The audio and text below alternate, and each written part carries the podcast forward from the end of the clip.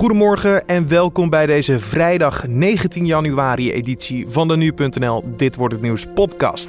Normaal gesproken op je vrijdag doe je het altijd wat rustiger aan omdat het weekend eraan komt, maar niet vandaag. We hebben een hoop dingen te bespreken. Mijn naam is Carne van der Brink en ik praat je deze dag bij over het nieuws van afgelopen nacht en wat het nieuws gaat worden vandaag en dit weekend. Met onder andere aandacht voor één jaar president Donald Trump proeven aan de Noord-Zuidlijn en de klassieker Ajax Feyenoord.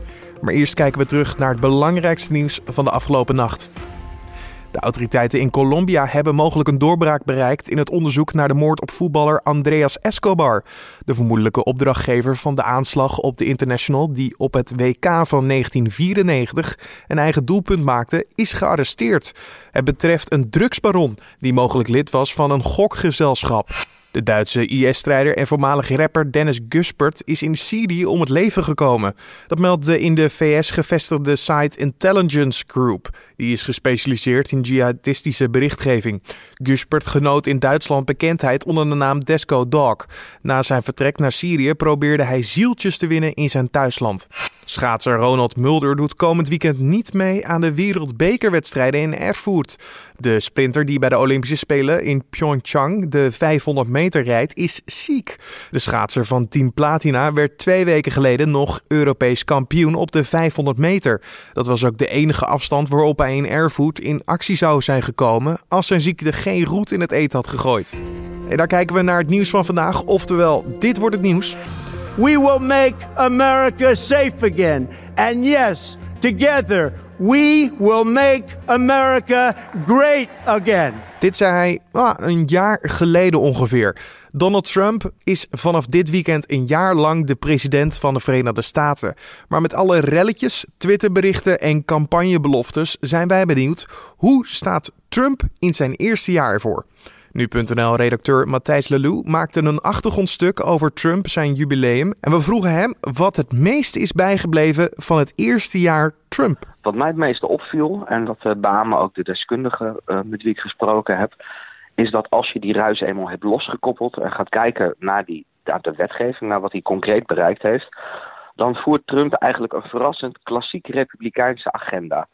Hij heeft natuurlijk tijdens de campagne heeft hij zich enorm populistisch opgesteld. Hij zei dat hij het uh, moeras van de gebruikelijke politiek in Washington, dat hij dat uh, wilde legen, dat hij daar vanaf wilde. Maar hij is eigenlijk uh, veel meer een, een, normale republikeinse president dan je op grond van, van alle, alle ophef rond hem zou verwachten. Um, valt er een beetje een algeheel thematiek om zijn eenjarig presidentschap te, aan te hangen? Of is het gewoon één grote warboel? Het is uh, um, uitzonderlijk in de zin dat Trump uh, eigenlijk een president is die zich bijzonder weinig bezighoudt met wetgeving. Dat laat hij voor een groot deel over aan het uh, Republikeinse partijleiderschap.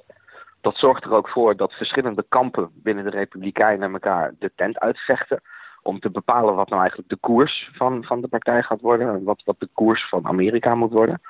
En Trump die die, die staat daar, speelt er een beetje een rare rol in. Kijk, aan de ene kant, als je bijvoorbeeld kijkt uh, naar Obamacare, dat wilden de Republikeinen graag afschaffen. Repeal en replace, herroepen en vervangen. Dat liep een beetje stuk op dat laatste, want uh, ze hadden geen goed alternatief. Dat hebben ze in alle haast proberen op te stellen. Maar dat resulteerde erin dat er tot op het laatste moment kladjes rondgingen met allemaal notities in de marges geschreven. Dat congresleden eigenlijk helemaal geen tijd hadden om, om die vervangende wet goed door te lezen voordat het tot een stemming kwam. En, en Trump die was betrokken bij het opstellen van die wet, maar schreef vervolgens op Twitter dat hij het een gemene wet vond. Nou ja, dat is natuurlijk een beetje vreemd. Dat is dan zijn eenjarig jubileum. Hij heeft een jaar erop zitten. Hij zal een kaarsje uitblazen misschien. Maar hoe gaat hij kijken naar het aankomende jaar en hoe gaat hij eruit zien? Kan je daar al iets over nou, speculeren, zeggen? Nou, er staan een aantal zeer belangrijke dingen te gebeuren uh, komend jaar. Vraag 1 is natuurlijk wat er uit het Rusland-onderzoek gaat komen. Of dat uh, concrete uh, resultaten gaat opleveren. Dat is het onderzoek naar de vermeende Russische inmenging bij de verkiezingen van 2016 die Trump in het Oval Office brachten. Maar daarnaast vinden er ook verkiezingen plaats voor het Huis van Afgevaardigden. Nu hebben de Republikeinen daar nu een kleine meerderheid.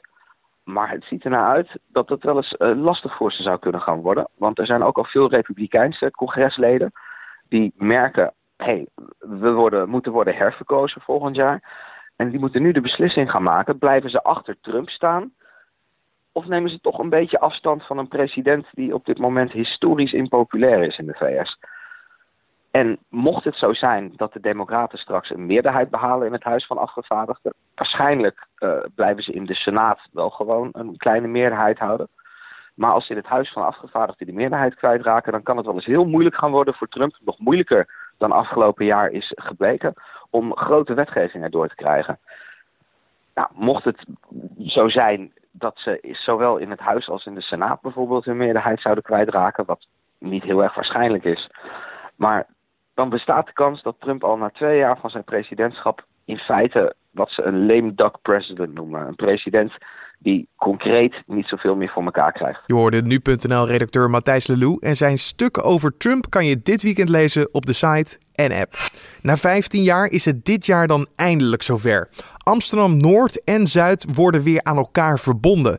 Dit door de Noord-Zuidlijn. In juli krijgt de lijn echt zijn vuurdoop, maar deze zaterdag kunnen bezoekers al voorproeven. Deze week ging ik ondergronds bij de Noord-Zuidlijn en sprak ik met Michiel Jonker. Hij is woordvoerder metro en tram van de gemeente Amsterdam.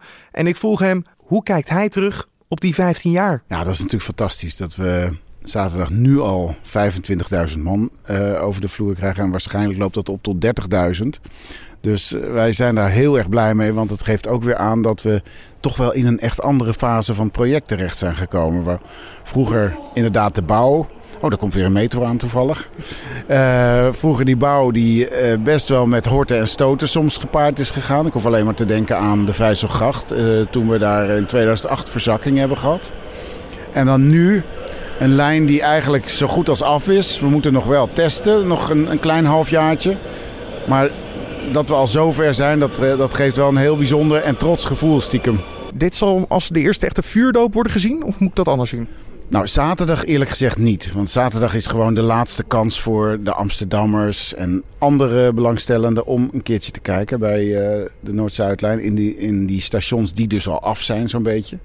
Um, maar de echte vuurdoop, ja, die, die vindt de komende maanden plaats. Hè? Want we, dan doen we het proeftesten van het onderhoud, um, het hele beheerssysteem. Werkt het allemaal goed? En als wij daarmee klaar zijn en ook bewust bijvoorbeeld verstoringen hebben getest, bewust bijvoorbeeld een keer kortsluiting gecreëerd of noem maar op, om te kijken hoe ga je daarmee om als organisatie.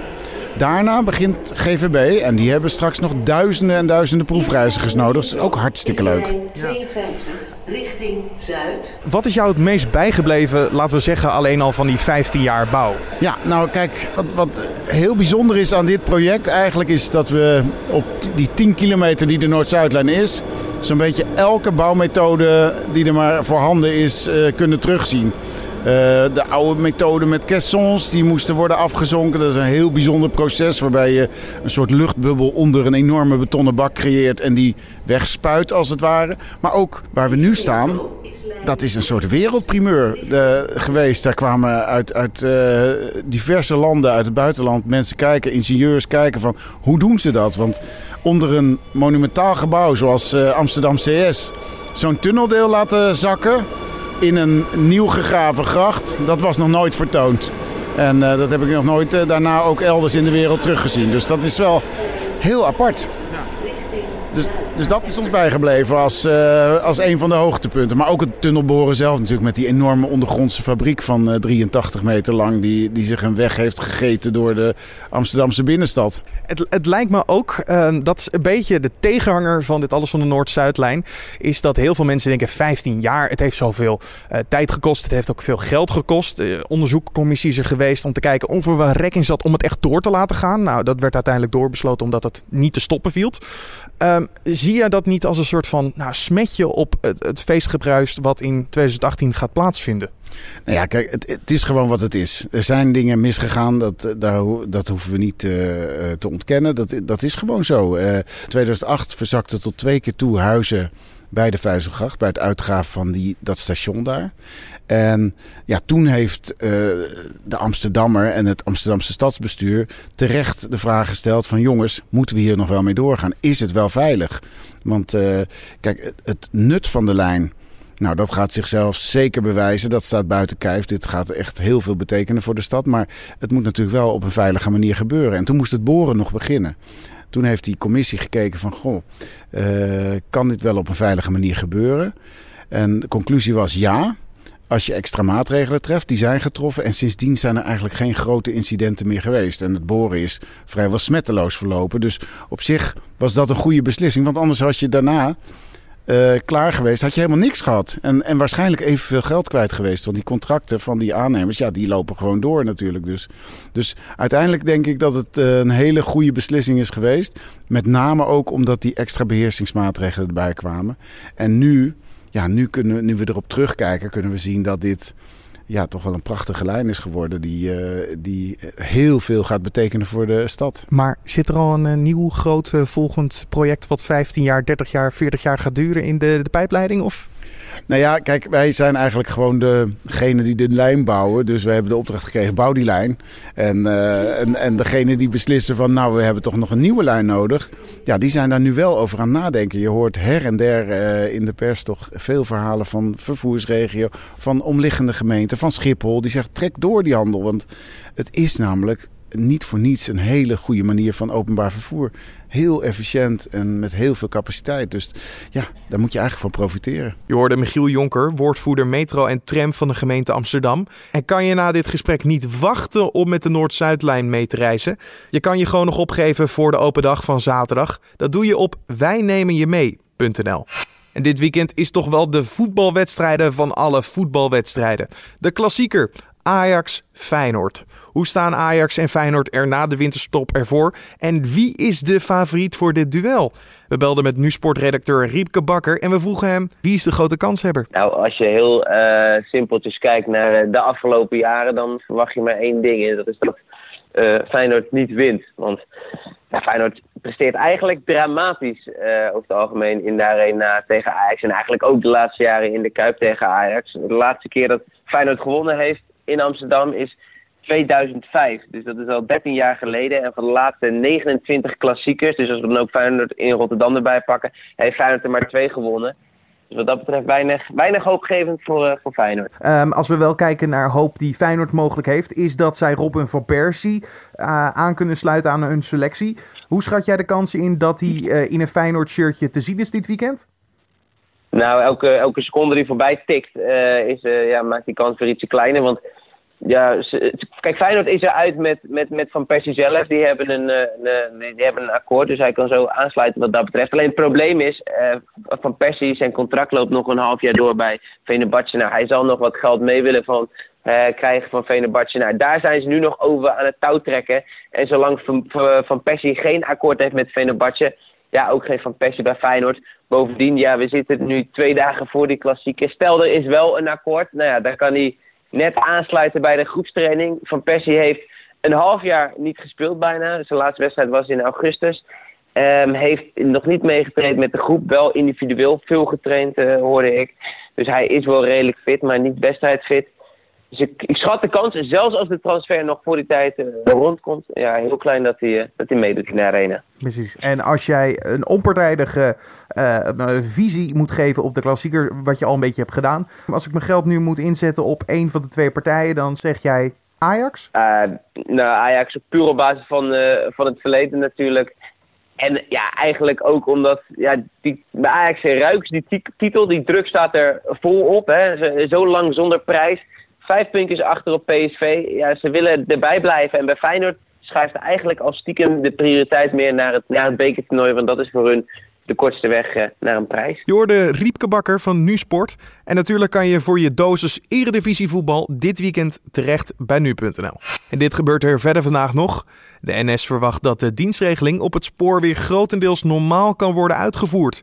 Reizigers krijgen wel het advies voor vertrek de reisplanner van de vervoerder te raadplegen, omdat er op sommige trajecten korte treinen rijden of bussen zullen worden ingezet.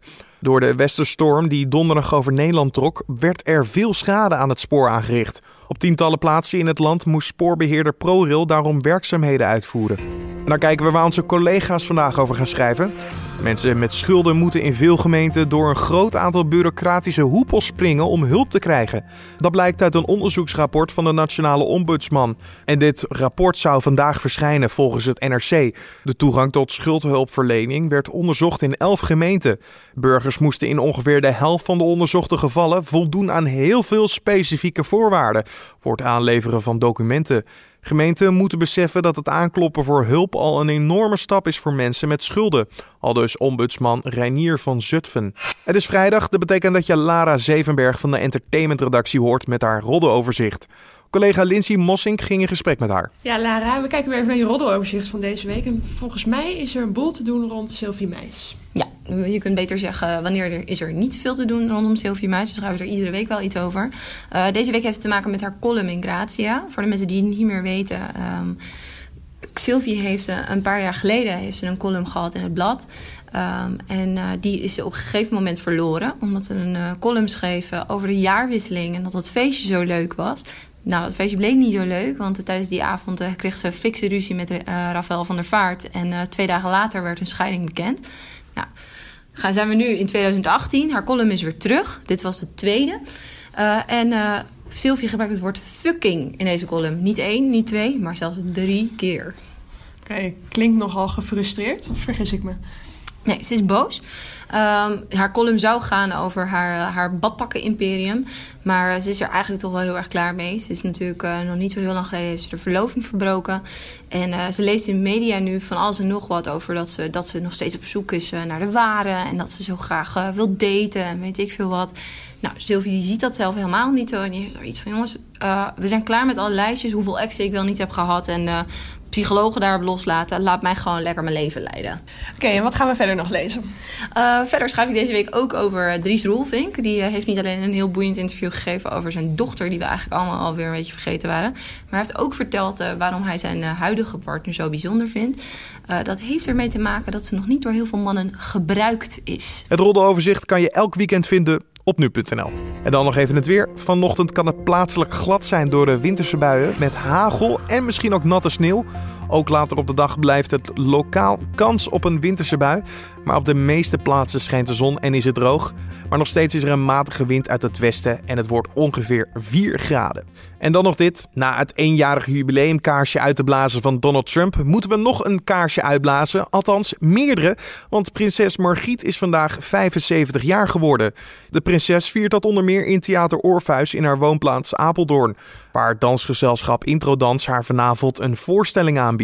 De jarige is al 15 jaar beschermvrouw van deze Arnhemse gezelschap. En de uitvoering is een cadeautje en een dank voor haar jarenlange steun, zegt Introdans. En dan rest mij alleen nog maar te zeggen dat ik namens de ochtendpodcast van nu.nl mijn felicitaties naar prinses Margriet uit. Gefeliciteerd.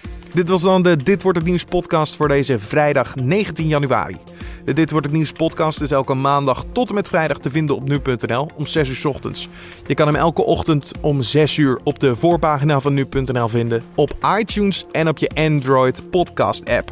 Laat ons weten hoe jij het beluistert en wat jij bijvoorbeeld nog verbeterd zou willen zien. Laat het weten in een mailtje redactie.nu.nl of reactie recensie bij iTunes. Cijfer van 1 tot en met 5, want zo help je namelijk ons weer beter te worden in wat wij maken en ook beter te vinden voor anderen. En dan kan ik alleen nog maar zeggen dat ik je een mooie dag toewens en natuurlijk ook een fijn weekend. En wij zijn er maandag weer. Dus tot dan.